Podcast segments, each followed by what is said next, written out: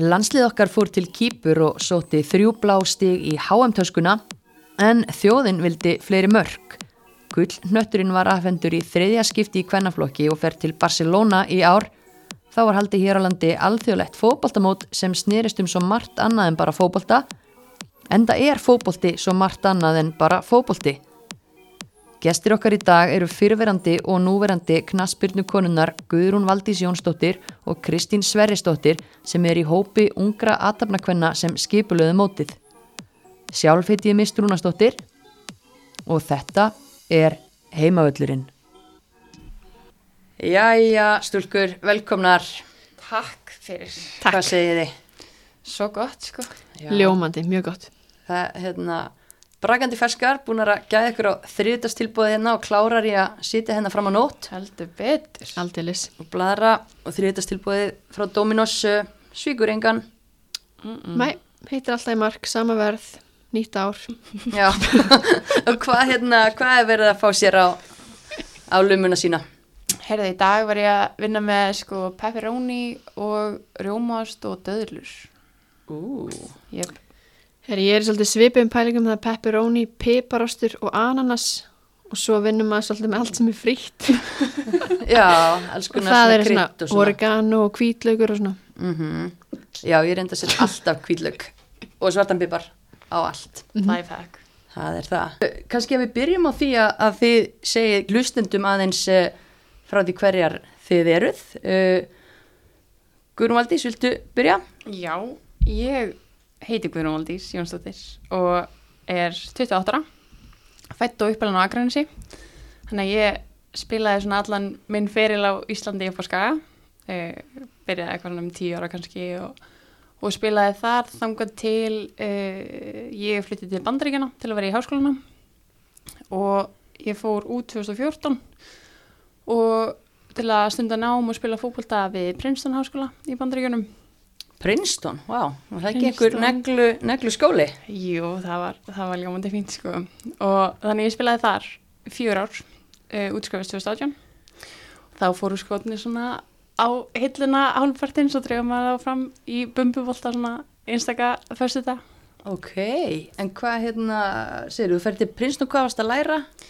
Ég lærði tölunafræði endaði því, ég var svona smá ókvæðin í byrjun en, en endaði í tölunafræði, útskrifast sem tölunafræðingur þaðan Og varst náttúrulega alltaf að spila sem markvörður, Passar, passar, jú, glemdi því smá atrið, ég, unglingarnastiskonan á, Já. á skaganum. Einmitt, jú, jú, ég var svona frekar snögg að fara í markið einhvern tíma bara þegar ég var yngri og, og það gekk bara ágætlega, þannig held mig við það. Mm. Já, spilaði einhverja nokkra ólingarlansinsleiki áður en ég fór út og það er svona, held ég, ferilli minni í grófum dráttum. Já, hvernig var að spila í bandaríkjunum og í svona virtum háskóla eins og Princeton? Úf, mér varst það æðislegt sko. Ég dyrkaði tíminn í, í bandaríkjanum, mér varst það alveg frábært. Umgjörðin var öll bara til fyrirmyndar, uh, bara líka eitthvað heilbrygt við að vera í svona stífu íþrótta reyfingaprógrami þegar maður er í einhverju svona svolítið klikkuði námi með. Mm Bara þannig að það er svona innbyggt í, í sketsfélum hans eða dagskránamanns að þurfa bara að mæta aðengar saman hvernig stemmingin er. Þannig að mér varst það bara frábært og gefið einhvern veginn svona hópa af 25 stelpum sem eru bara svona innbyggði bestu vinniðinni þannig að þetta hjálpaði mér alveg rosalega mikið þegar svona við að flytja út. Já, þú segir að hanskarnir hafa ferðið á hilluna. Komstu heim þegar þú kláraði 2018 sem sagt, strax eða? Nei, ég ég flytti heim bara fyrir rétt rúm ári. Ég ílendist í bandaríkanum, fór að vinna í New York í rúm tvö ár eftir útskrift og það er ekki mikið um fótbolta þar, það er meira bara eitthvað svona til gamans. Uh, en já, og svo kom ég bara heim í COVID. Ég svona kom í þryggja vekna heimsók sem endaði síðan bara á rúmu ári og ég, ég bara skipti um vinnu og kom ekki heim. Og komið til að vera þá? Ég held það, Já. ég held það.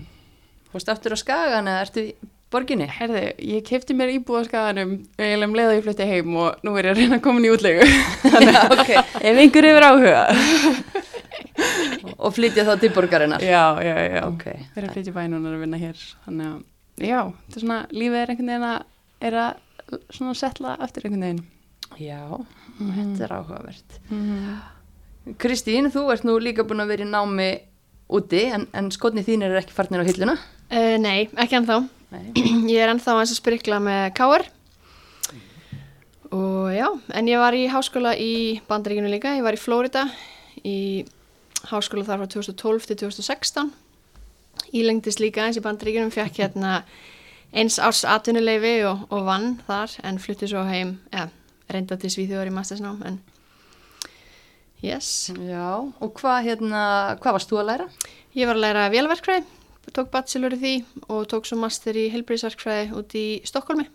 Já, og inn á milli þá færðu atvinnuleifi sér í eitt ár í bandaríkanum Já, það kallast OPT, það er reyni bara, þú veist, ef þú ert að útskrifast sem erlendur nefandi þá getur þú fengið eins ás leifi til að starfa við einhvað tengt náminniðinu Hmm. og það er það sem ég gerði.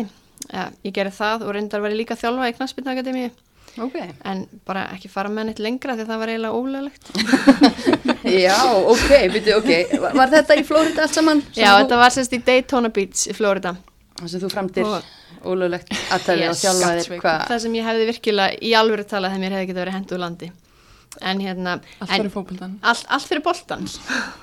Það er ekki á svartan lista ef einhver er að hlusta núna Nei, Stóri bróður er að hlusta Ég held að þetta sé bara liðin tíð sko.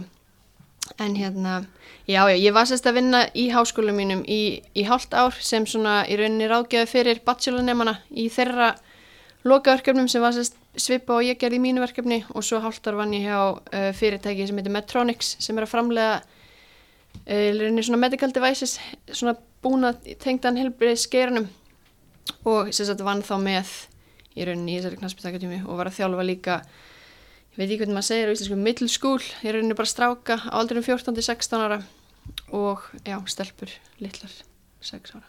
Já, var það ekki gaman? Jú, bara æðislegt sko og óksla skemmtilegt að kynnast bara hvernig fótboltin er öðru í sig úti og, og já, bara þjálfun yfir höfuð, mjög skemmtilegt. Mm Og hvernig, fær bara sama spurningu og, og Guðrún bara hvernig, þú veist, upplýður að vera um eitt leikmaður í bandaríkunum? Bara, mér fannst þetta, eða svona litið tilbaka, bara toppurinn á tilvörunni sko, af því að lífið mitt hefur bara raka síðan. Nei, nei, ég segi svona, ef þess bara lítið tilbaka þá bara hugsa ég hvað maður var ótrúlega heppin að fá þetta tækifæri, uh, vera á styrk, veist, annars þetta verið bara rándýrt og eitthvað sem ég aldrei haft tök á að gera. Og maður var svolítið að lifa eins og atvinnumæður þó maður hefði líka verið í skóla, þú veist, við fórum í rútuferðir og við fórum í útileiki og vorum á hótelum og vorum með toppþjálfun, vorum með prísisson í mánu þar sem við aðeins tvisar á dag og bara allt utanumhald var til fyrirmyndar og í rauninni ef ég var hreinskilin mikið betra heldur en það sem sést hérna hjá þeim klúpum allan sem ég hef spilað fyrir en hérna það er kannski bara skortur af fjármagni og allt önnur umræða. En þetta var bara, já eins og segi, einstaktt tækifæri og eitthvað sem ég virkilega þakklátt fyrir. Já, þannig að í rauninni báðar nýtið þið fótboltan á þennan hátt og, og þetta verið talað um þetta nýtan til að menta sig. Uh, mælið með þessu og hvað geta aðra stelpur og strákar gert sem hafa áhuga á einhverju svona æfintýri Já, 100% bara ef möguleginn til staðar. Við Kristi vorum einmitt svona að tala um þetta um daginn eitthvað bara að þetta er svona, við vorum eitthvað að ræða þetta svona fyrir stelpur sérstaklega þegar kannski maður, þó maður sé efnilegur í fótbolta þá kannski sem maður ekki fram á framtíð sem atvinnum mannski í fótbolta með einhverjar miljónir á viku. mm Þannig að ef maður getur nýtt eitthvað svona eins og oft eru veitti styrkir og svona e, í bara að menta sig einhver sem maður er áhuga á og, og maður getur lifað þokkalega á þá bara 100% myndi ég segja. Já, ég tek undir það, bara ég myndi klárlega mæla með þessu fyrir bæði stelpur og stráka sem að vilja nýta fótboltan og líka bara prófa að búa erlendist, þú veist, flytja frá mamma og pappa, þú veist, ég hefði aldrei flutta heimann tvítu eða væri ekki fyrir þetta. Maður læri bara svo ótrúlega mikið á þessu og, og já, ég, eins og segi, ég, ég hjálpa öllum leikmennum sem ég spila með ef ég get og, og reyna að stiðja þær í, því, í þeirra vegferð og, og segja þeim mína sögu. Það er mitt ein úr káar núna í skólanum sem ég var að spila með, Inga Laufi Já, hún hérna, ég hjálpaði henni aðeins í, í sumar eða svona stutti við hana og, og hérna hvart hana til að fara í þennan skóla því ég, veist, ég er líka þar að ég myndi ekki hvetja hvert sem er ef það er ekki viðhandi og þú veist, þjálfurum minn úti kendi mig það svolítið að hún vil fá leikmenn sem að vilja vera þarna og henni, henni finnst það viðhandi fyrir veist, þann einstakling. Mhm. þú veist, þannig ég held að það sé mikilvægt að já, óta fólk ekki úti í eitthvað sem er ekki fyrir þau. Já, þannig að augljóslega, já, hvetja þau ef þau hafa áhuga en mín upplifun var frábær en maður hefur heyrt alls konar sögur þannig að þetta bara snýst um að finna rétta staðin fyrir sig. Já, fyrir mér var þetta líka svona, veist, maður fer og hvað er það versta sem gerist, maður bara kemur heim aftur og það er alveg marga sögur af því líka, fólk fílaði þetta ekki en, en reyndi samt og það er heldur bara lærdóminn í því líka. algjörlega. Reynslun er ríkari. Já, og hvernig er Inga Laufey að fíla sér, ertu búin að heyra eitthvað í henni? Bara mjög vel, já, ég er búin að heyra í henni og líka bara þær voru að besta tímabil sögunar, þetta er sem sagt, ég er ekki búin að nefna nafni á skóla mín, er, en, þetta er svolítið flóki nafn, sko, það er Embry Riddle Aeronautical University, Já, en þetta er sem sagt í rauninni flugskóli í grunninn og svo mjög sterkur í sem sagt uh, svona flugtengdri og, og svona game-tengdri verkfræði, en ég lærði sem sagt vélaverkfræði, en þú, það er hægt að læra aðra hluti líka, en það er sem sagt unnu sína dild í sem sagt Division 2 sem sagt uh, í Florida og komist í hérna úslitakefna yfir all landið. Mm. þannig að þú veist það er bara veist þetta er bara, ég skrifaði henni bara þegar ég sá að þetta var í gangi bara þetta er að skemmtilegasta sem þú gerir, bara njóttu þess já þetta er svo geggja sko. Heldur betur, ég er ennþá, mér svimar ennþá eftir og sagði nafni á skólanum, ég ætla ekki að reyna að hérna, endur taka það, en um, þú bara mannst það ef að nefna það aftur. yes. En hérna, já, það var aldrei fótbolti í kvöld og það er kannski áður en að við förum lengra og, og að því mér langar að spjalla aðeins uh, við ykkur um það sem þið eruð að gera saman og með öðrum uh, ungum uh, aðtapnakunum, þá langar mig aðeins að ræða við ykkur um landsliðið okkar, auðvitað, þær voru að leika sinn síðasta leika á árinu bara núna rétt í þessu. Uh, setni leikur móti kýpur. Hvernig hvernig fannst ykkur þetta? Þrjú stig í, í ferðartöskuna góðu. Já, bara eins og við vildum sjá. já, þetta var rauninni bara skildu sigur eins og var rauninni bara bersinlegt frá fyrstu mínútu sko. Þetta var, það var aldrei spurning í hvað stemdi og ég held að stelpunar hafi bara klárað þetta verkefni mjög vel. Og mér fannst bara gaman að sjá að ennþá undir lokin voru þær hungraðar í, í meira þú veist, það voru ennþá að eiga marktilurinn hérna bara rétt undir lokin og líka þess sem komu inn voru öflugar uh, Natasja í föstum leikadröfum og hérna Svavar og svolítið gott skot undir lokin og bara, já, gaman að sjá að þessu hungraðar í að klára þetta með stæl. Mm Þannig að umræða þær unnu fyrirleikin heima 5-0 og hérna það voru svona margir leikmenn sem voru að fá tækifæri í þeim leik og það er svona að tala um að Steini hafi verið búin að finna sitt liða því að hann setur svo aftur, stillir aftur upp sama liði og, og spilaði tjekklandsleikin einhverjir fjölmiðlar voru að tala um það sem hann sterkasta lið og, og þessi leikur fer 4-0 en maður svona sá aðeins á, á fréttamiðlum, samfélagsmiðlum eftir leikin að fólk var hérna það var gráðugt, það vildi meira í markatölu þar að segja Hva, hva, hvað segir maður ef maður er svona pínu svektur eftir stórsigur, þú veist Ég held að segja bara á hvað stað landslið okkar er komið. Við hérna, gerum kröfu til það. Við erum, með, við erum með ótrúlega flotta leikmenn sem eru bara lang flestar komnar út í atvinnumennsku. Já. Og mér er bara gaman að sjá það að fólk hérna gerir kröfu til landsliðsins. En já, já, ég veit ekki, 4-0 eða 6-0 skiptir að einhverju miklu máli ef við komumst vel út úr leiknum og hérna erum ekki að missa leikmenn í meðsli.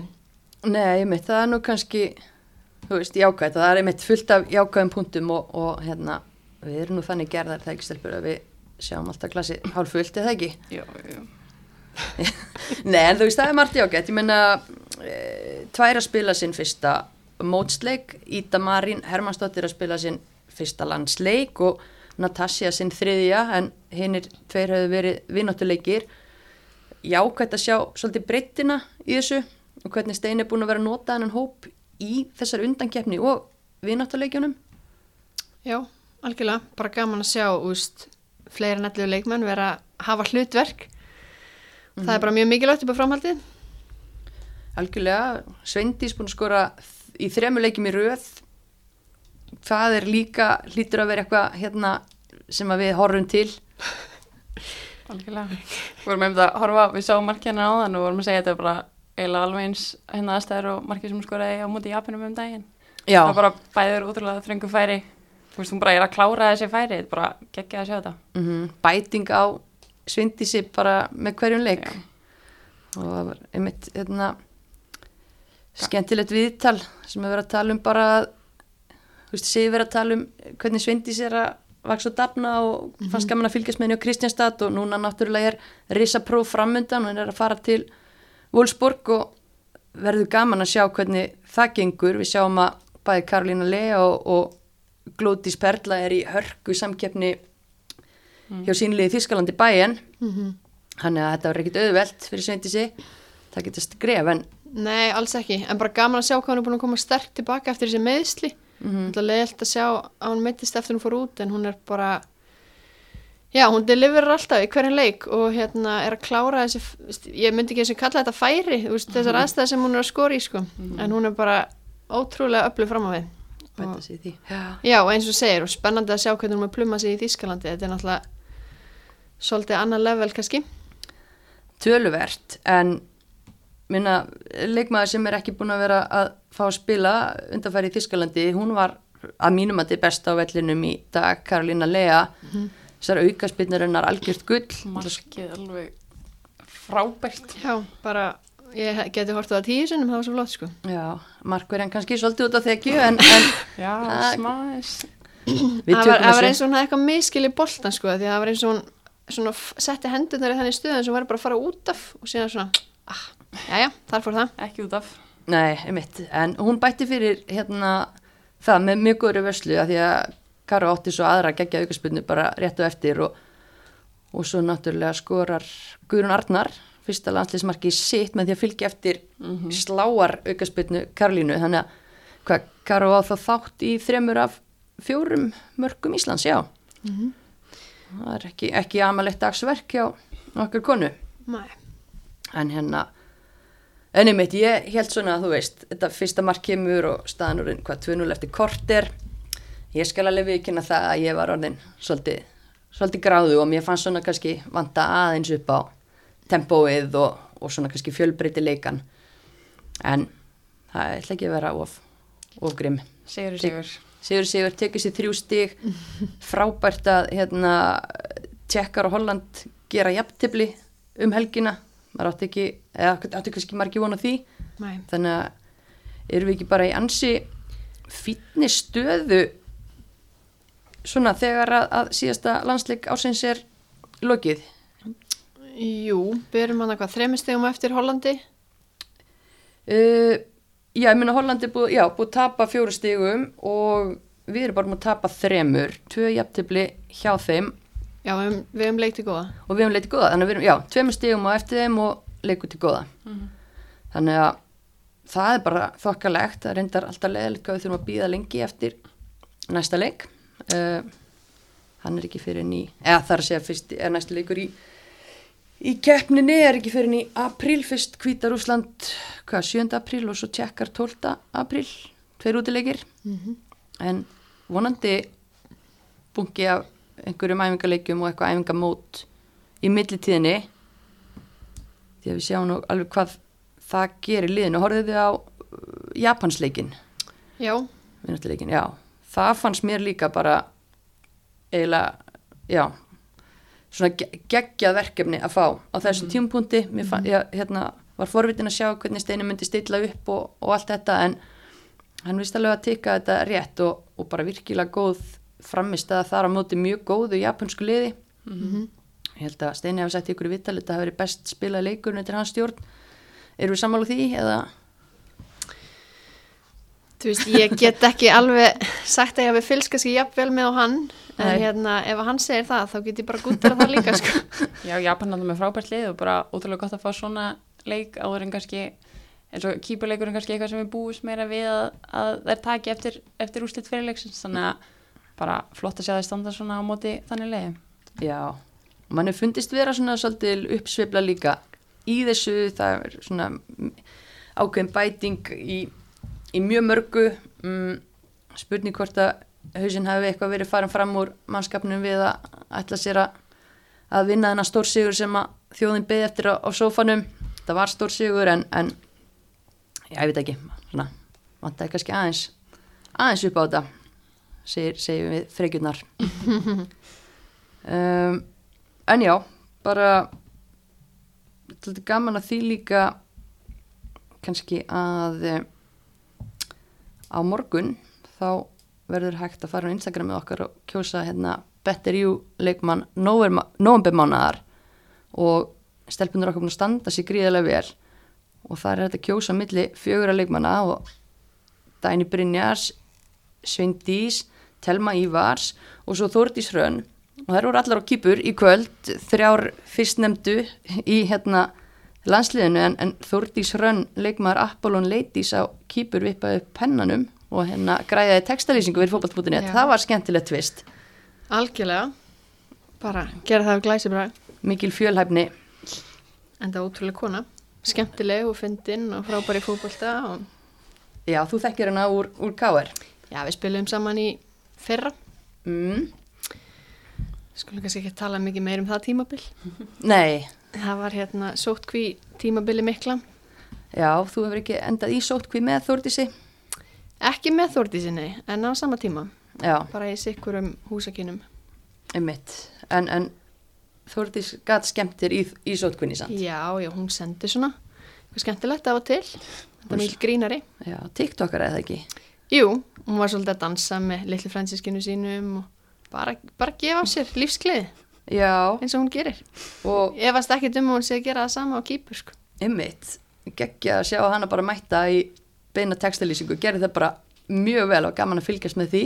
Mm -hmm. hann er greinlega fjölhæf já, bæði innan sem utanvallar en hérna já, það var allavega ég kveit fólk til að tjekka inn á Instagraminu á morgun og, og hérna kjósa besta leikmann novembermánaðar í bóði betur jú og þau elska ekki bara að eh, gleðja leikmenn vikunar, þau elska líka að gleðja gestin okkar, þannig að ég ætla að gefa ykkur hérna stúlkur better D-vitamin í munn úðaformi Næs. Frábært. Fullkomið í hérna skamdegis þunglindið sem herja á, á alla Íslandinga um þessa myndir. algjörlega bráðunöðsynlegt Akkurat. í, í það verkefni þannig að þið eru góðar Ekki sjáum við mikið sóluna, þetta er kannski bæting fyrir það. Já, Já, já. þetta eru svo margir skamtar að þið eru þokkalega góðar fram að páskum bara cirka bát Líka langu veitur á Íslandi, þannig að þetta er mjög gott. já, eru þið kannski eitthvað á leiðinni til bandaríkjana í eitthvað frí eða eitthvað Ég var bara að koma að hann. Ég skellti mig tveim dugum eftir að opna því. Já, eftir ok. að landa mér í nafnu. Nei, ég var ekki lengi. fórst til New York eða Já, já, fóð til New York að heimsækja alla vinnina og, og vinnufélagana eftir að ég flutti heim í einhverju óðagóti þarna fyrir rúmu ári. sækja dótið eitt og svona Já, ángríns, bara sækja restina og, og komið sér stand. Já, það er planið allavega að hérna fara út í april. já, þá eru bú, þá klárar þið spreyið Já, þá- fag, fagna ég því að vera búin með spreyið og, og fer til Flórida. já, bætir á D-vitaminið Akkurat. Það er vel gert, en hérna, já, Ísland í góðum, góðum álum, búin að vera bara flottar á þessu ári, viljum við eitthvað meira að segja heldur en bara hlakka til að sjá hvað hvað er gera á nýja ári. Já, ég er bara spennt fyrir EM næsta sumar. Já, Ég hérna vonaði að fá að spila okkur um stærri völlum heldur en hefur verið útgefið. Þetta er náttúrulega algjör vanvirðing við leikmenn og aðra sem að hérna munu vera aðna. En já, ég held að vera bara ótrúlega spennandi og, og halda áfram að fylgjast með undankemni HM. Ég bara hef fulla trú að það muni klára það verkefni. mm algjörlega, þetta er góð punktur sem nefni með vellina, svo sem alveg búið að ræða eitthvað um þá, en ég meina, teljið einhverja líkur á því að uh, UEFA og hérna ennska knaspinnsambandi geti eitthvað fiffa þetta, þau hljóta sjá það að, að hérna það er ekki verið að svara eftirspurn. Já, bara faranlega ákvörðin til að byrja með náttúrulega, en maður, maður áttur ekki alveg á hversu svona tilbúin þið eru til þess að vera eitthvað flex með þetta eða skipta um skoðun eða svona mæta þessar eftirspurn sem maður hljóta að vera að sjá núna.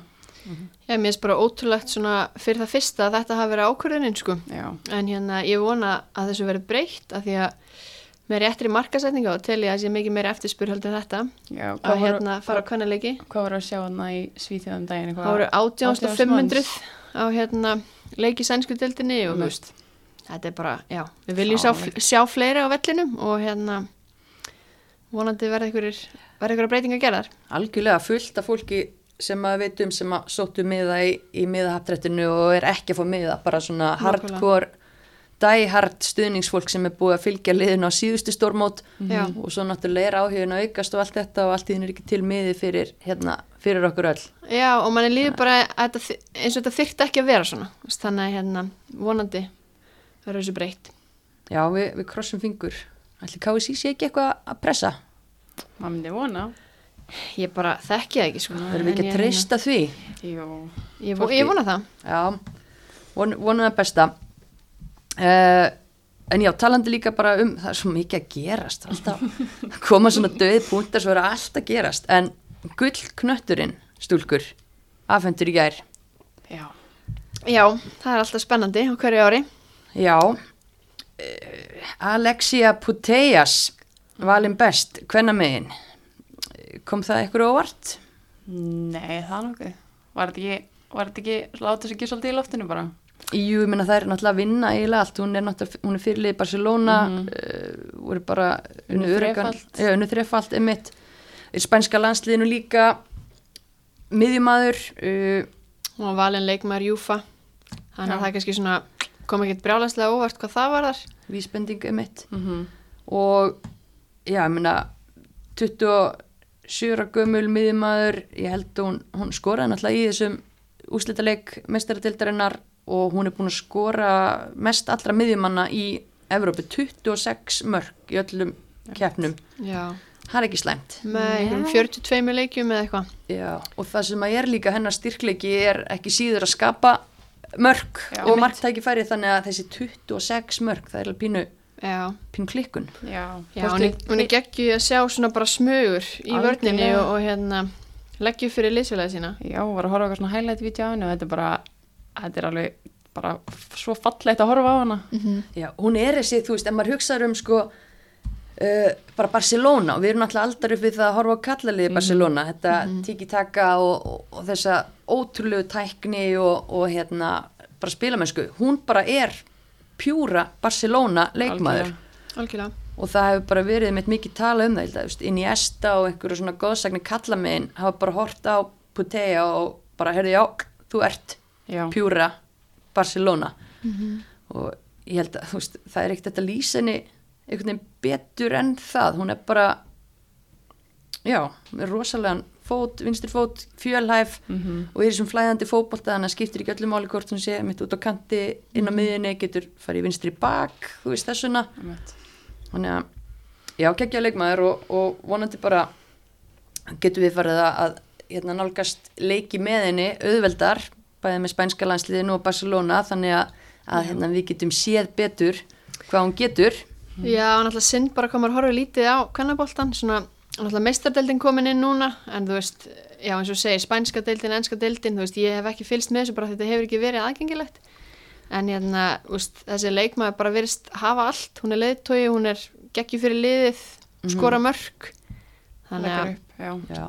en það er náttúrulega hægt að sjá eitthvað af þessum dildum á Viaplay, við veit ekki alveg hversu mikið, hversu miklu magni og svona þannig að en þetta er vonandi bara eins og bara íþróttin er að stækka þá er þetta partur partur af þessu og hérna einmitt, kollegi hennar Jennifer Hermoso framherji hjá Barcelona, hún var hérna í öðru sæti í þessu gullknattar vali Sam Kerr hjá Chelsea ástralskur framherji náttúrulega okkislega góð í fótbolta, hún er í þriðja. Og svo sleikmaður eins og Vivian Midema sem við erum búin að vera að missa vatni yfir eh, þú veist, í allt ára því að hún getur ekki spila fótboltaleikin og svo slá okkur met. Og hún alltaf við erum svo heppin að fá hann til Íslands hérna í haust og svona, hún er fjóruða líki Martins fymtar þrjár í Barcelona í topp 5, spáði því. Þetta er rísin vaknaður hana klálega, held ég, já. Með hvaða lið, eh, haldið þið í spænska og enska hvernig megin? sko ég er bara búin að halda, eða, veist, fylgja Liverpool, náttúrulega vissulega kalla liðinu, við ætla að segja, síðan ég var krakki, þannig að svo náttúrulega kom Katrin Ómar sterk hana inn fyrir nokkrum árum hjá Liverpool Ladies, Mm þannig að ég, ég er bara púlari sko. já, já, ég er United manneskja þannig að á já. alls ekki fólari en nei, nei, maður er svona, jú, maður er hort kannski skammalega lítið á hvernig í þessum deildum, það, það verður bara að segja sem það er. Mm En já, það bara með meiri sínileika þá og gera hlutina aðgengilegri þá hérna eikst það þannig að ég er alveg vissum það að ég muni eftir 2-3 ár liggið yfir þessu Algjörlega. þá verður þetta líka bara Já, en þú veist, mætir þetta bara í feysið okkur mér finnst þetta samt fara að verða talsvert meira áhugavert núna eftir að okkar íslensku stelpur eru farin að spila úti. Já. Þá finnst mér ég tengja meira og hef meiri svona áhuga á að, að pæli og þá sérstaklega mestaradeldinni. Þannig að, já, já, eins og segir, þetta er að verða aðgengilegra, mér finnst þetta að verða, verða áhugaverðara, þú veist, að því þetta er einhvern veginn komið nærmanni. Já, Þannig að ég held að séu bara bjarti tíma framöndan og þú veist, fyrir stelpur sem eru að alast upp núna, þetta er bara tvent ólíkt með að við þegar ég var að alast upp. Já, Þannig að klárlega skrifa fram á við, það má ekki bara alltaf horfa á þetta svörtum augum, sko. nei, nei, nei, nei, nei. En líka eins og þú segir sko að það þarf ofta eitthvað svona eitthvað svo bara allan heim að spila og auðvitað er þá stittra í það að maður fara að kíkja eftir þessu. En svo byrjar maður að fylgjast með kannski Íslendingunum í sænska en fyrir en varið þá maður bara farin að pæla í öllum liðum og neðriteldum jafnvel líka, þú veist, það er svo Algjörlega. mikið spennandi hlutum að að gerast. Mhm. þurfum við ekki svo bara að fara að fá Íslending til spánar? Sænsku. Jú, það, það verður ekki vittlust. Þú plugga því, þú er svo góð tengsl. Jú, jú, plugga því, ekki málið, en hérna, uh, að því að við erum nú farnar að tala eins um, já, politíkina og jafnbrytis pælingar svona í kringum fótboltan, þá náttúrulega eru þið, eh, til eru þið ungum aðtapna konum Mhm. og uh, kannski bara áður en lengra er haldið, hvað, hvað er nú það? Já, við, við Kristín setjum í stjórn ungra aðtapnakvæna sem eru uh, svona hag, bara samtök sem að stuðla að jafnbreytti og hugafarsbreytingu í samfélaginu bara á allir því sem við kemur jafnbreytti þannig að já, við bara er, gerum þetta með því að veist, við höldum viðbyrði fyrir félagskonur við erum alls konar svona vinnustofur og reynum einhvern veginn að, auka og bæta þau tól sem að, sem að okkar félagskonur og bara konur almennt hafa til þess að til þess að hjálpa að ná hærra og lengra Mm. Já, algjörlega, við hérna, við reynum í rauninni bara, já, að fá þess að konur inn, ungar konur, ef það er rauninni öll velkomin í félagið okkar, en svona markkópurinn okkar er konur á aldrinum 18 til 35 cirka. Og hugmyndin er bara að búa til uh, samfélag og svona tengslamyndun, valdefla konur, um, já, og fræða og, og stöðla jafnbreytti mm.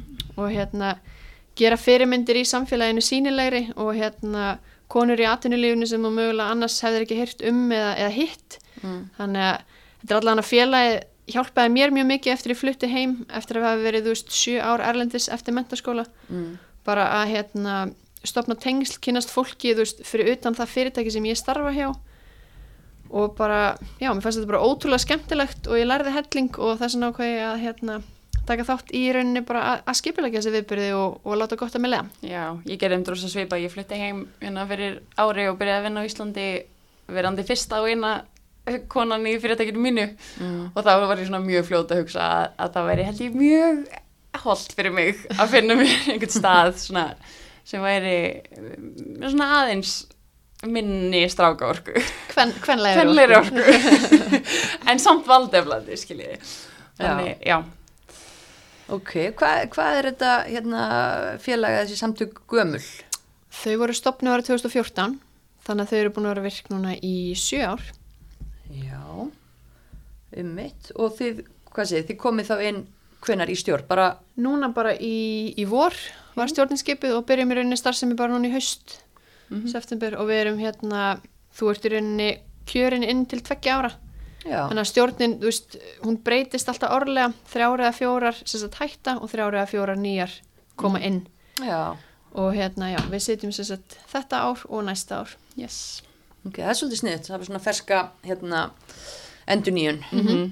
og hérna, en samt halda einhverja Halda einhver svona þekkingu. reynslu Já, Já. þetta væri eiginlega svolítið ómögulegt annars ef allar Já. voru að koma nýjar inn, sko. Þannig að það verður að vera þessi tenging þær sem þekkja starfsemina og svo smá svona fest inn með þannig að það er bara, minnst það mjög gott fyrirkomlega. Mhm. þetta er ekki eitthvað sem mætti kannski lengja aðeins en, en innlega á alþingi bara jafnvel og svona, ekki vondtjöngmynd sko. nei, svona, já, allan að víðar, en hérna, þetta er allan góð pæling, en hérna, það vakti mjög mikla aðtykli mína, e, núna bara fyrir stuttu, viðböru sem þið voruð að halda Global Goals World Cup og þar kemur fótboltatengingin aðeins inn. Úrslit Global Goals World Cup voru haldin á Íslandi eða haldin í fyrsta sinn á Íslandi núna bara í byrjun nóvember. Og uh, þið kannski vilja segja hlustendum aðeins hvað, hvað það er? Já, Global Goals er í rauninni svona aðgerðar miðað fótboltamót sem er haldið í mismunandi löndum. Og þetta voru sérst úrslitin sem voru haldin hérna á Íslandi í november í fyrsta sinn en þau hafa verið haldin í New York árlega eh, síðustu fimm ár en þegar ég segja aðgerðar miðað fótboltamót þá hugsa fólk hvað því það nú en Mhm. hérna. Já, aðgerða með það hljóma mjög pró. Hljómar, En hérna, já, þetta er þess að fótboltamóta sem í rauninni uh, stig eru veitt fyrir fleira heldur en einungis fótbolta og það er rauninni búið að veist, endur semja reglurnar og það er rauninni fjóri flokkar, það er fótboltin sjálfur, það er verkefni sem þú vinnur í, í þáu heimismarkmiða saminuð þjóðana og svo er það rauninni stíl og áhorfandur. hmm. Þannig að þetta er svona stemning í kringum þetta, uh, samheldni og í rauninni megin markmið er í rauninni að stuðla að aukun eða sem sagt jöfnu aðgengi kvenna og stúlkna að hérna íþrótteiðkun sem og, og hérna hinskynsins Mm. og líka í rauninni að gera heiminn okkar að svona, hvað segir maður, sjálfbærari Já. uh, stað uh, more sustainable Já, alltaf með heimsmarkmiðin Já. að leiðarljósi Já, veist, og það eru þessi 17 uh, heimismarkmið saminuð þjóðana sem voru skilgrund árið 2015 Mhm. held ég að sé ekki að vera með rántmál en hérna, og í kjölfar þeirra þá var rauninni þetta mótsettalagirnar og það var þessi dönskona sem bara brennur fyrir þetta málefni sem að hérna komið sér kring og er bara búin að fylgja því ótrúlega vel eftir og, og veist, er að halda 5-6 mót á hverju ári í mismunandi löndum bara keiri þetta áfram með mismunandi í rauninni uh, svona hóstpartnerum í, í, í bara samvinnu við mismunandi samtöku eða fyrirtæki sem er í rauninni þá að keira þetta í hverju landi fyrir sig Mhm. og á þessu móti sem var haldið hérna á Íslandi þá voru þau rauninni við í ungum aðtapnakonum sem að skipulöðu mótið og unnum þetta með henni og hennar stofnun. Hvernig svona varð sútenging til? Af hverju leitaði hún til hún til ykkar? Hvernig, hvernig Já, hún sko, hún hafði samband við Hrund Gunsteins sem starfa hjá Festu og hérna hún hafði samband við ungar aðtapnakonur. Hún bara þekkti til starfsemi okkar og í rauninni, já, treysti okkur í raun fyrir þessu og taldi okkur að við myndum gera þetta vel Mm. og hérna setti, okkur, setti hana í samband við okkur og, og svo hérna tókum við þetta bara áfram. Og aldrei neinn spurningum að þið væri til í þetta? Uh, sko svona ég get alveg viðkjönd að svona fyrst þá þurftum við bara svona aðeins að skilja konseptið og hvað í rauninni myndi felast í þessu. Mm en hérna þetta var okkar fyrsta alþjóðlega samstarf. Veist við höfum bara verið í rauninni að halda viðbyrði fyrir kon, veist, okkar félagskonur sem eru íslenska konur. Og hérna og já þurftum svona aðeins að átta okkur á umfanginu og, og hvað við þurftum raunverulega að gera. Mhm. En svo bara þegar hérna, við áttum okkur aðeins á þessu og tölum við Mæken sem er að konan sem að stopna þetta, Mæken Gilmartin þá ákvaðum við bara að kýla á þetta og töldum þetta að vera gott tækifæri fyrir okkur að svona vika okkar starfsvið og, og hérna já, bara við lærðum helling á þessu og Og láta eitthvað svona gott á okkur leið á ennþá stærra svið einhvern veginn. mm Já, en ég menna þú veist, einmitt á COVID-tímum þegar að taka á móti, hvað var að taka á móti mikið af, af þáttækjum? Það voru þó nokkuð lið sem að koma utan til að taka þátt. þetta eru örgulega svona 70-80 manns cirka sem hafa komið ynga Erlendis frá. og veist, gaman og skildi nefna COVID-tímótið, það voru vissulega fleiri lið sem ætli sér að koma ynga sko. Já, og hérna þetta var svolítið sérstætt fyrir þær sakir að voru rauninni bara þrjú erlend lið sem komu. Og svo hérna söfnuðu við rauninni saman í sjö íslensk lið. Þar á meðal var hérna veist, kempulið þar sem við vorum með já, fyrir landslískonur uh, við vorum með lið frá kvenreittindafélaginu, við vorum lið frá, frá Origo, frá KPMG Liðið að lista konum. já, að listakonum og Anni Mist og, og hérna við Kvennó. vorum lið frá, já, Kvenno var með lið lið og, mótinu sko. já, og hérna Þið voru með lið, já. Við vorum með lið, veist, þetta var svona, já, talsveit mikið íslenskum þáttakendum, en líka lið frá Jordaníu, frá Sáti Arabíu og svo lið sem sagt frá mismöndu löndum sem eru öll að fara að skipa líka Global Goals í sínu heimalandi á næsta ári. Og það er að fólk að koma frá Kólumbíu, frá Danmörku, Noregi, Indlandi og þú veist, þannig að þetta var rauninni gleðilegt hvað voru margir sem gátu komið Mhm. en uh, það var lið sem ætlaði að koma frá Uganda en hérna tókst ekki tæka tíð fyrir þær að fá vísa mm. og svo var örgulega margir aðeins sem hefði vilja koma en það er náttúrulega margir bara svolítið á bremsunni út af COVID sko. eðlilega en, en einhvað séu frábært að ná að halda svona fjölþjóðlegan viðburð og alltaf áhugavert að kannski fæstir sem myndu tengja Júrdani og Sáti Arabíu við knatsbyrnu kvenna en þeir eru með heil lið af konum sem að komu þaðan til dæmis og, og spiluðu. Það er alltaf magnað Já, og staðan í þá, þá sérstaklega Sáti Arabíu er náttúrulega bara gjör ólík því sem við þekkjum sko.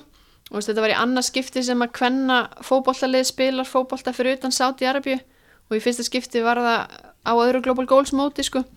Veist, þannig að ég held við erum kannski ekki alveg að fatta hvað þetta er veiga mikið svona í sögulegu samhengi Nei, veist, þannig að það er alveg líklegt að vera litið tilbaka og, og hort til þessa tíma sko.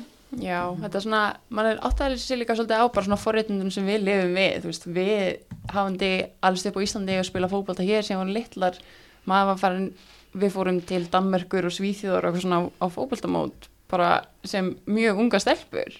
Og þetta einhvern veginn var svona, jú, rosalega næs en samt svolítið sjálfsæður partur af þessu öllu. Og svo heyrir maður frá þessu bara, þú veist, miklu eldri stelpur við vorum þá hafa bara valla aldrei fengið að gera þetta Þú veist, þetta er bara annars skipti í sögunni sem þetta er, er einhvern veginn þær hafa þetta tækifæri. Já, og maður er einmitt að, að einmitt, eh, bara hugsa um sko bakgrunna því að eins og ég skildi þetta það þarf ekki að vera best í heim í fótbolta. Þetta er bara, það, þetta er inclusive það með að allir taka þátt og þetta er náttúrulega spilað á svona litlum fimmanna völlum þar sem að maður svona getur kannski Já. já. svona kofra meira svæði heldur en á öllum manna velli og, og annað.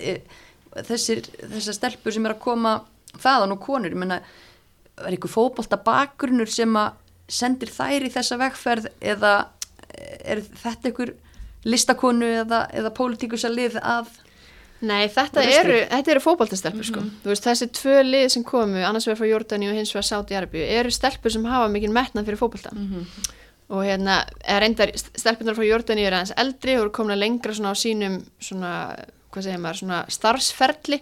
Og fótboltin er kannski vissulega nummer tvö og hérna, en stelpunar frá Sáti Arabíu, það er alveg nokkra þar sem eru kandidatar í þeirra fyrsta landslið sem að þær hafa huga að setja laggirnar bara á næstu, á næsta ári held ég ef við skildi þetta rétt. Þannig að þær hafa alveg metnað sko og þetta var svolítið óvanlegt kannski svona hvernig lið við vorum að setja saman hérna á Íslandi en það var líka svolítið bara til að mynda stemmingu og, og, og hérna auka þáttökuna Já, en hérna mótin sem eru haldin út í heimi það er alveg, alveg stelpur sem hafa áhuga og metnað fyrir fótbolta en líka þess að sterku, sterku þörfu og tengingu að gera eitthvað meira, eitthvað umfram fótboltan og láta gott þessi leiða sko. já, og maður sá líka alveg bara ástriðina eins og í úrslitaleiknum á þessu móti hjá okkur þá voru það liðin frá Jordani og Saudi Arabi sem keftu og þú veist þetta var, þetta skiptið er rosalega miklu máli og maður sá alveg það, það var svo mikið aðna baki, þetta var ekki bara einhver svona hálgjöru grín fótboltaleikur eins og þetta var kannski líkara fyrir okkur verandi einhver svona fimmanabolt á innanúsvelli en, en fyrir þeim var þetta, þú veist, þær voru að spila fyrir eitthvað og maður bara, þú veist, það voru tár sem þarna eftir leikin hjá held ég báðum liðum, sko. Já, algjörlega. Þú veist, það er líka svo mikil vinna sem að lá á baki Mhm. þess að þær voru komnar á veist, þær voru búin að fara á nokkur mót í mismunandi löndum, þær voru búin að vinna verkefni, veist, þær voru að vinna verkefni eins og til dæmis jordanska lið, að planta trjám. Já, og það er bara, þú veist, hellingsvinna sem lá á baki. Þannig að Já. hérna, einmitt, það, veist, þá völdu þær sér heimsmarkmiði sem, sem snera því að því bara, hvort það sé eitthvað 1% af landsvæðin í Jórdaníu er trjálendi. Þannig að svona, það var þeirra þannig tengdu þær inn í heimsmarkmiðin. Já, þannig að hvert lið, já, ve- velur sér náttúrulega eitt já, Já. heimsmarkmið og, og þær, hvað héttu þær? Þær, hérna, líf á mark. Líf að mark, já. L-E-A-F Yes. Líf að mark, einmitt. Og þær eru það bara alltaf í gegnum öll mótin sem þær keppa eru þær að vinna að því þá að skógurækt í heimalandinu sínu. Já. ok, já. Já, það, þetta verkefni getur verið í rauninni mjög, mjög viðtækt eða þú veist, það getur verið ekki hvað sem er en þú velur sérst eitt af þessum 17 markmiðum og gerir eitthvað í tengingu við það og já, þetta er svolítið svona margt smátt gerir eitt stórt svona step by step að verða sjálf sjálfbærið. Algjörlega og svo líka bara í gegnum þessa viðbyrði þá eru þú veist við vorum með, það voru alls konar panelumræður og það voru aðri svona hliða viðbyrðir við þetta eiginlega fótboltamót Mhm. þannig að það voru kynningar á liðunum og kynningar á þeirra starfsemi og, og svona á þeirra vekkferð í þessu öllu og þá er það náttúrulega líka að fara til mismundi landa að kynna þessi hérna svona samfélagslegu verkefni sem er að vinna að. Þannig að já einmitt svona svolítið margsmátt, margsmátt gerir eitt stórt Mm Já, og kannski bara gott dæmi um hvernig er þetta að nota fótboltan bæði sem einmitt valdeflingu eða, eða líka bara til fræðslu. Algjörlega.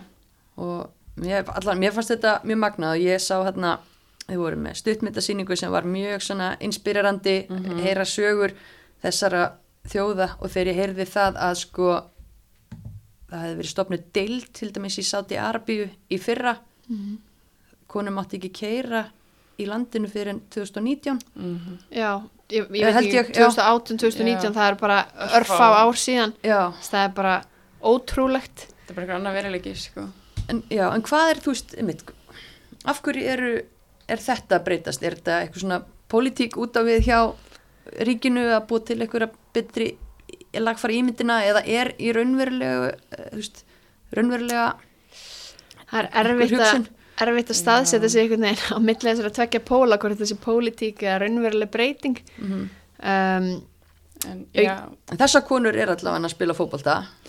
Já, þar er það. Og náttúrulega, þú veist, ef, að, ef þetta er pólitísku þrýstingur sem leifir konum að fá bílprófið að ferðast til annar landa til að spila fótbolta, þú veist, þá er það held ég jákvægt ef, að, ef það endar þar, að það er ekki eitthvað verrað að baki, sko, en líka bara maður svona er að vonast til að svona bara náttúrulega samfélagi allt í heilsinni bara orðið miklu opnara, þú veist, það er stýttir á milli alls og veist, með netinu og allt, öllu þessu, bara þú veist normin geta held ég breyst miklu miklu hraðar en kannski þau gátu áður. Og það er bara náttúrulega þessi samfélagslegi þrýstingur líka.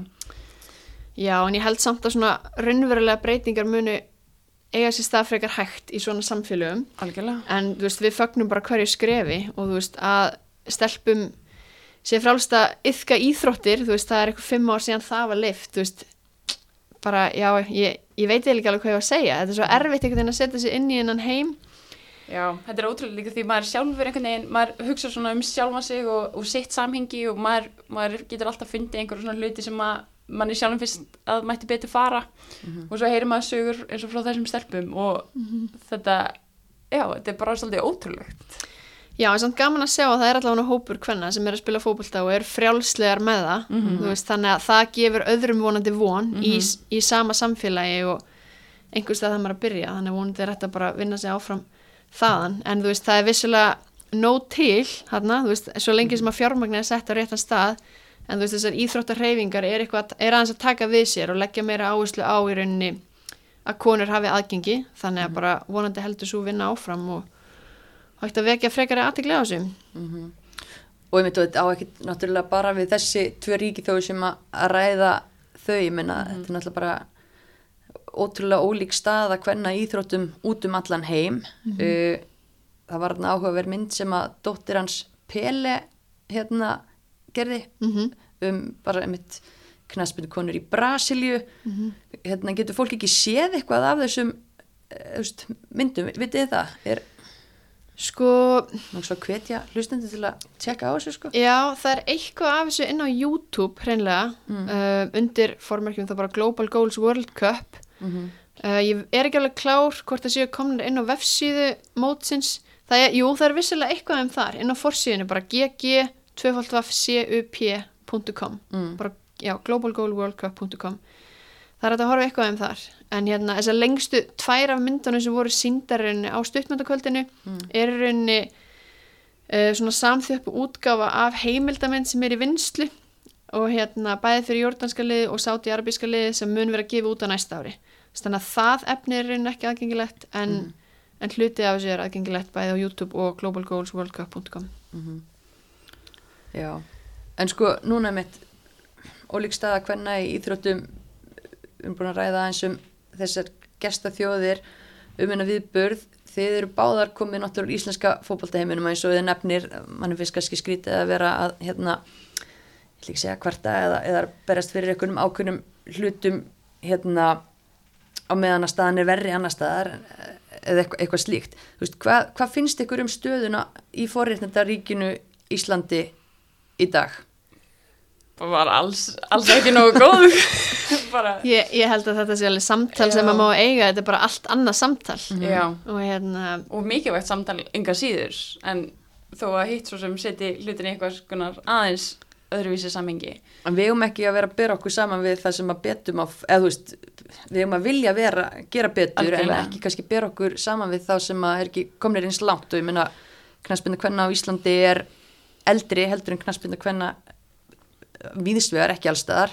ég held að þú veist það sem vorum að tala um í Sáti Arbíu sem er bara mannréttindamál Já. og þú veist, á Íslandi þá erum við bara á allt verum stað og það er bara ekki viðand að bera þetta saman þannig ég held að við þurfum svolítið bara að fókusa á okkar samfélag og já, hvað betum að fara hér og það er margt þannig að hvað er að byrja? Einmitt, hvað er að byrja? Uh, staðan á Íslandi, svona, kallt maður bara til dæmis, þriðungur yfgenda er kvenkins. Það er alveg 9000 uh, stelpur og konur sem að yfka fótbolta. Og manni finnst, þú veist, auðvitað getur maður alveg hugsað sér að sjá þessa tölu herri en mist, það að þriðjungur yfgenda, það finnst mér ekkit lág tala. En aftur á móti til dæmis að þeir eru nú að pæla í atvinnulífinu og svona þá, veist, þá er þessi tala miklu lægri þegar kemur að öðrum hlutverkum innan fótboltans bæði þjálfun og stjórnun til dæmis. Og maður veltir því fyrir sér með að við bara uppgangi sem hefur verið inn á vellinum af hverju eru við ekki einhvern veginn að halda dampi utanvallar, af hverju eru ekki fleiri konur að stýra á í, í stærri stöðum kringu fótboltan, af hverju eru ekki fleiri konur sem að ílengjast í þjálfun og annað stóra spurningar, ég meina hvernig svona blasir þetta við ykkur? já, þú veist spurningar sem að ég veit ekki hvort að ég sé með einhvers konar svöru við en þetta er náttúrulega bara að maður sé hliðstæður líka bara í, í þessu og öðrum geirum líka. Þú veist, maður er að sjá svipið vandamál annars staðar þar sem maður er kannski fáar konur í forstjóra eða framkvæmdastjóra stöðum og, eða, eða haldast eh, stutt í ákveðnum geirum og svoleiðis. En svona rót þessa vanda í, í íþrótauðkuna að fókbalta sérstaklega er kannski það svona smá erfitt að gera sér í huglind hver, hver hún er. Og maður getur verið með einhver svona getgáttur Já um, það eru vissulega konur í framkvæmtastjórn knastmyndelda, það eru, for, eru fordæmi um það eins til dæmis hjá FH en ég held að við þurfum svolítið að byrja bara í í rauninni hvað segir maður, jákvæðari umfyll, ekki bara umfyllin heldur bara hjá liðunum sjálfum, þú veist, að, að hérna, gera það meira heitlandi að vinna í kringum liðin og skapa einhvern veginn meira samfélagi kringum kvennaboltan hvað það var þar, af því að eins og ég sagði að þú veist, með réttri markasetningu þá held ég að áhugin sér til staðar, þú veist, fólk vill alveg mæta á völlin, þú veist, eins og ég spilaði í sumar á móti afturöldingu og ég má bara til með að rósa þeim, ég held að verið þrjú eða 400 manns á leiknum, þó þið hafi sagt að ég svo hati káir allir tíman þá hérna þá er það, það fannst mér það bara mjög skemmtlegt og Já. hérna, þú veist veist, ég, ég veit ekki nákvæmlega hvað það er að gera en einhvern veginn þurfa að ná til fólks bæði að mæta leikina, þegar fleiri mæta leikina þá, veist, taka fleiri eftir þessu, þegar fleiri taka eftir þessu þá verður þetta já, áhugaverða, veist, fólk talar um þetta fólk, líklega að fólk vilja vinna í kringum liðin. En höldum við þá að þú veist, konur í þjálfarastöðum eða stjórnustöðum myndi þá laðast að hvenna liðanum frekar? Ég er bara svona hugsa, ég er reyna að spá hvort að, og bara einhver umræð hérna sem er að eiga sér stað, en, en hvort þið séð, þú veist, pláss annars staðar líka því það er náttúrulega framkvæmdastjórnir og stjórnir og, og ímis hlutverk svona innan félaga náttúrulega sem eiga við bæði við kalla og hvenna liðin. Já, algjörlega, og, en ég bara einhvern veginn myndi ég vilja virkja fleiri konur og þú veist, ég bara hugsa um grunninn. Já, og hérna, þú veist, og vonandi þá að þær myndi þá taka frekari þátt í starfsemi, þú veist, hvað sem það er framkvæmdastjórastað eða gjaldkeri eða, þú veist, kvennastarfi, yngreflokkastarfi, já. það er bara svo, það er svo, mar það er svo margt í þessu, en ég veit ekki, mér langar bara að virkja fleiri konur. já. Hvernig við gerum það, við þurfum einhvern veginn að ná til þeirra og, og gera þetta meira heillandi. Mm Um, svo það bara einhver sem er góður í markasetningu að græja það, það er ekki ég. Nei, en hvernig, þú veist, hvað er, þú veist, ef við, ef við myndum segja bara að væri þetta spegla knaspinu hérna samfélagið bara út í atvinnlífi eða annað samfélag, menna hvað er það sem að gæti gert hlutina meira heitlandi fyrir konur sem eru að koma og stíga sín fyrstu skref, menna það, ef við horfum á tölutna núna í, í stjórnum, þú veist, þyrfti að setja eitthvað kynjakvota, þyrfti að hvernig breytum við kultúr, það er kannski tíu karlmenn sem eru búin að vera í stjórn í mörg, mörg ár og það er erfitt að koma þar inn og líka náttúrulega, veist, eins og oft bara eins og þegar svona, eins og stuðuhækkanir og fleira eiga sér stað, þá er það einhverju sem hafa verið lengi í starfinu eða á, á hérna vinnustæðinu með eitthvað svo leiðis og það er náttúrulega líka spurningar svo það er alveg þekkt svona að stelpur kannski endast ekki alveg eins lengi og strákar alltaf í, í fókbaltaði þegar komið upp í eins og kannski annan flokk eða mestraflokk uh, veist, spilar það einhver hlut? Og því að væntalega ert að fara að fá fólk í þessi störf sem hafa áhuga á fókbalta þá er oft líklegt að fólk hafi verið í fókbalta sjálf mm -hmm. helst þetta eitthvað í hendur og þarna spila náttúrulega líka inn í bara hlutfall úst, í, í þjálfun eins og hérna hún nefndir á hann að það eru miklu fleiri kallkins þjálfarar mm -hmm. og úst, hvort sem að þeir fari í önnu hlutverkina félaga eða ekki úst, þú ert með færri konur til að byrja með en einhvern veginn, þú veist, þið þurfum að sækja þér veist, eins og mm -hmm. segir, ef þú ert með tíu stjórn, það er allt kallmenn og hendir út einhverju svona almennri auglýsingu, þetta er ekkit rosalega það er ekkit rosalega líklegt að ég sem kvennmaður sé að fara heillast að þessu. Mm. veist, þannig að já, e- þetta er ekki, ekki einfalt mál, annars verðum við búin að græja þetta. Mm en hérna ég held að við þurfum svolítið að sækja í þessa konu sem við viljum fá í þessi störf og jafnvel meira heldur en kallana það er bara, það er bara miður. Ég, ég er kannski ekki alveg á því endilega að setja ykkur kynja kóta veit ekki hvort það sé sangjant en þetta er, þetta er svolítið snúin Já, við veitum að sér, þú veist, ákveðna breytinga. Nú er til dæmis bara áhugavert þegar að, að fyrir um stjórn KSI segir af sér, þá eru svona svolítið verið að hvetja konur til að taka þátt. Og, og núna í þessari bráðbyrjastjórn eru fleiri konur en, en hafa verið. Þú veist, ég veit ekki, ég meina það hlýtur þá, ég meina þá hlýtur þetta að vera ákveðna fyrirmyndir fyrir aðrar konur. Algjörlega klálega og hérna, já. og líka alltaf búið að vera mjög eldfimt ástand þar þannig að og kannski bara, eða vonandi er þetta líka ekki bara eitthvað svona innan tómt fángleiri konur í stjórn heldur líka bara að við sjáum að það hjálpar að vera með fleiri sjónamið og svona mismunandi bakgrunn á fólks og, og mismunandi reynslu þannig að veist, við funkarum yfirleitt best þannig Ja, 100% og það er einmitt líka eitthvað sem er oft talað um og, og gaggrínt og, og það er talað um það veist, að konur séu svona kannski einmitt ekkit alltaf velkomnar í instakjarnan en það er með að koma og baka og selja á mótunum og það er með að taka til og, og allt þetta. Og nú er náttúrulega aldrei þú veist tiltekt og naflaskoðun í gangi í KSI, hvað gerir svo í februar mm þetta er svona bara, bara punktur að að þetta er svona umræðan sem maður heyrir Já, já, ég held að eins og Guður og nefnir að hafa bara fjölbreytt sjónamið, þú veist, þegar kemur að því að taka ákvarðanir, þú veist, þá er það væntalega, þú veist, hvernig stjórnir eru samsettar, þá myndi ég, þú veist, ég meina rannsóknir sína fram á að það eru betri, betri árangri en náð eða ert með, hérna, bæði kyn við borðið mm -hmm. og ég held að það sé bara, ég er ekkert að segja að við um að hafa bara konur, ég held bara að hafa, hérna, fjölbreyttan bakgrunn sé alltaf að. Já, og öll kyn kannski svo að maður hérna Já. orðið það rétt. Já, en hérna, já, 100% en þá var það bara spurninginu mitt hvað hva getum við gert, ég menn það er allt, allt að gerast en einhvern veginn það eru fleiri, það eru konur sem er að til dæmis að menta sig, þjálfarfræðum og öðru en það er, er ekki að haldast inni. Þú veist getum við, við getum ekkert sett fingur á þetta eða hvað? Ég er rosalega erfitt með það sko. um, það er náttúrulega líka eitthvað sem spilar inn í sem ég bara, mér seinskilinni veit ekki alveg hvernig staðan er á Íslandi en bara svona hversu raunæft það er að vera eins og í fullu starfi sem þjálfari er það möguleiki fyrir marga uh, þarf þetta að vera eitthvað svona sem þú gerir eftir þína 84 vinnu mm -hmm. uh, þú veist, fólk er rauka heimili og, og Það er enda góða punktur að því að eins og út í bandaríkunum þá var uh, þjálfara minn kona og hún var með börn en þetta var hennar fulla starf. Þú veist, ef maður hugsaður um þjálfara þar sem að æfingar fara oft fram setnipartin uh, það er kannski svona meiri krafa, eh, nú ætlum ég ekki að fara að koma með eitthvað staðhæfingar en það er kannski erfiðara fyrir konur sem eru með fjölskyldu að vera í burtu frá fjölskyldinu sinni á þessum tímum. Þetta er rosalega mikið skuldbinding að vera í þjálfun sem fyrir fram utan venjulegs vinnutíma og þú getur ekki verið þjálfaririnn sem, sem fullt starf.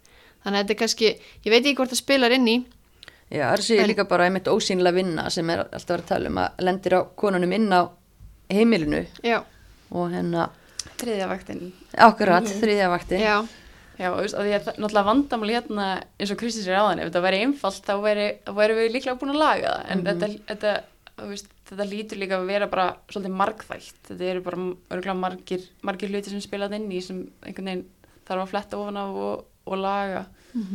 Hvernig við gerum það Nei. okkur línu eða vitið Já, nei, nei, einmitt, en, en þú veist, er þetta ekki eitthvað sem að, einmitt, við getum tengt inn í bara atvinnlífið og, og bara, þú veist, svipapælingar og, og þýðir að gera til þess að, að valdefla konur þar, ég menn, er þetta ekki eitthvað sem má bara yfirfæra? Jú, algjörlega, náttúrulega bara fá fleiri konur sem nefnir bara að taka þjálfarréttindi og, og, og veist, fara inn í þjálfurinn og þá ert að gefa öðrum konum, þá ert að búa til aðeins svona vinalegra kannski svona, hvað segir maður, svona, þá ert að stíga inn í kannski eitthvað það sem einhver hefur komið undan þér, þú ert ekki að reyða brautina sjálf eða gera allt fyrst eða vera ein. já, en ég, veist, ég vil nefnilega aftur hérna, veist, þegar ég var að alast upp, eða, veist, já, þegar ég var yngri og versus stelpur sem er alast upp núna, veist, það er betri umgjörð í kringum kvennaknarsbyndina, það er meiri veist, það eru Pepsi þættir líka fyrir konur og það eru kvennmenn þar sem að stýra þættinum og þú veist, þetta er eitthvað sem hefur ekki alltaf verið til staðar. Þú veist, þannig að það er vissulega skref tekinni rétt að átt, það eru fyrirmyndi til staðar við þurfum kannski bara að gera það en sínilegri og ég myndi segja að kynna veist, þessa möguleika betur fyrir þú veist, ú- ungum konum og stelpum sem hafa áhuga á fótbolta, sem eru að æfa fótbolta.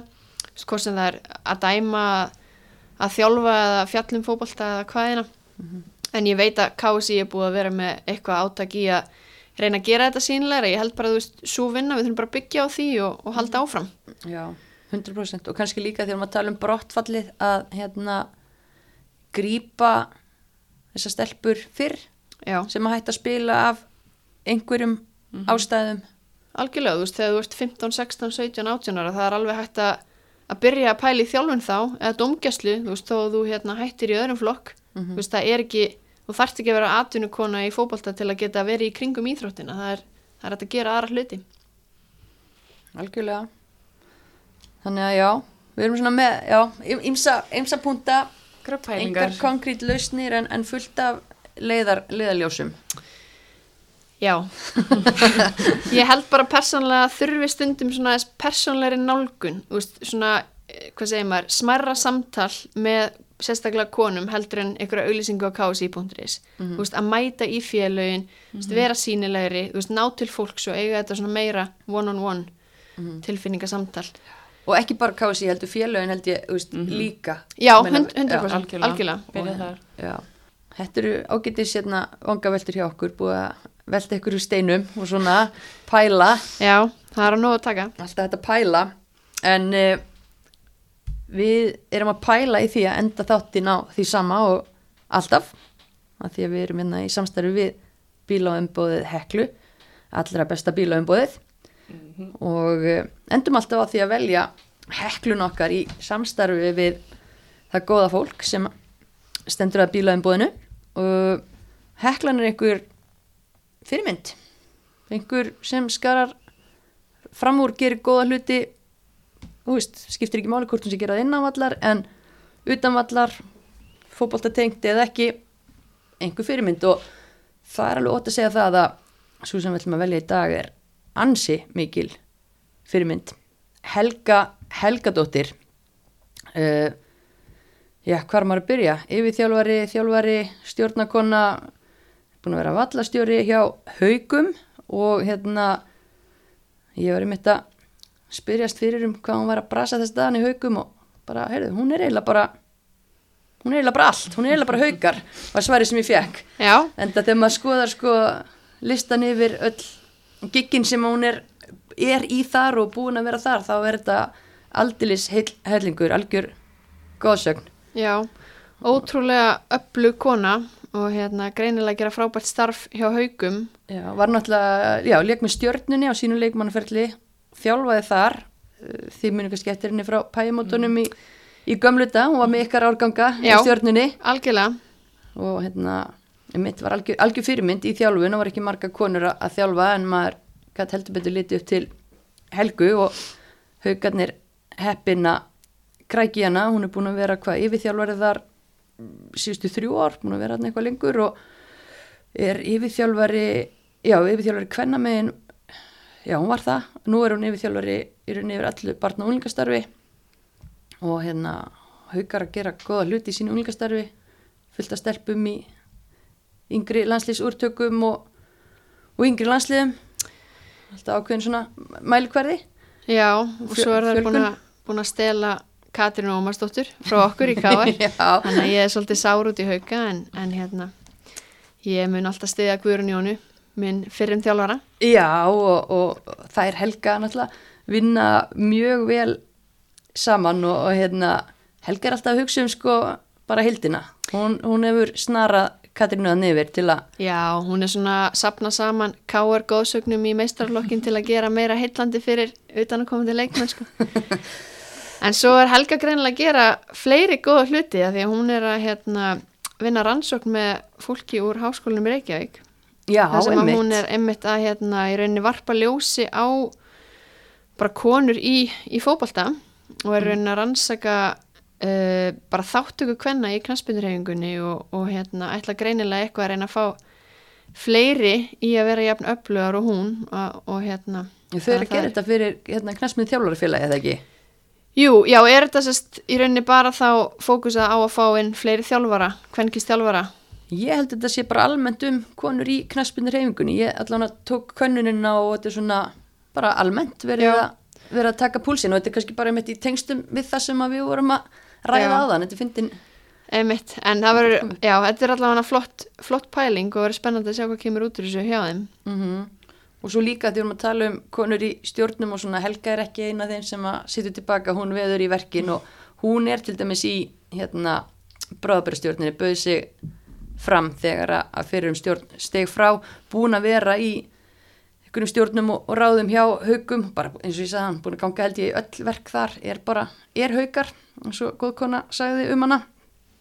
Og hérna bara ótrúlega jákvæð alltaf flott fyrirmynd uh, bara vinnur dag og nótt og brennur fyrir knaspinu kvenna þannig að já, það er þetta húsinni endalaust. Já, hún er allavega vel að tillinu komin. Ég held það nú, bara til hann mikið helga og takk fyrir okkur til hafa mikið helga.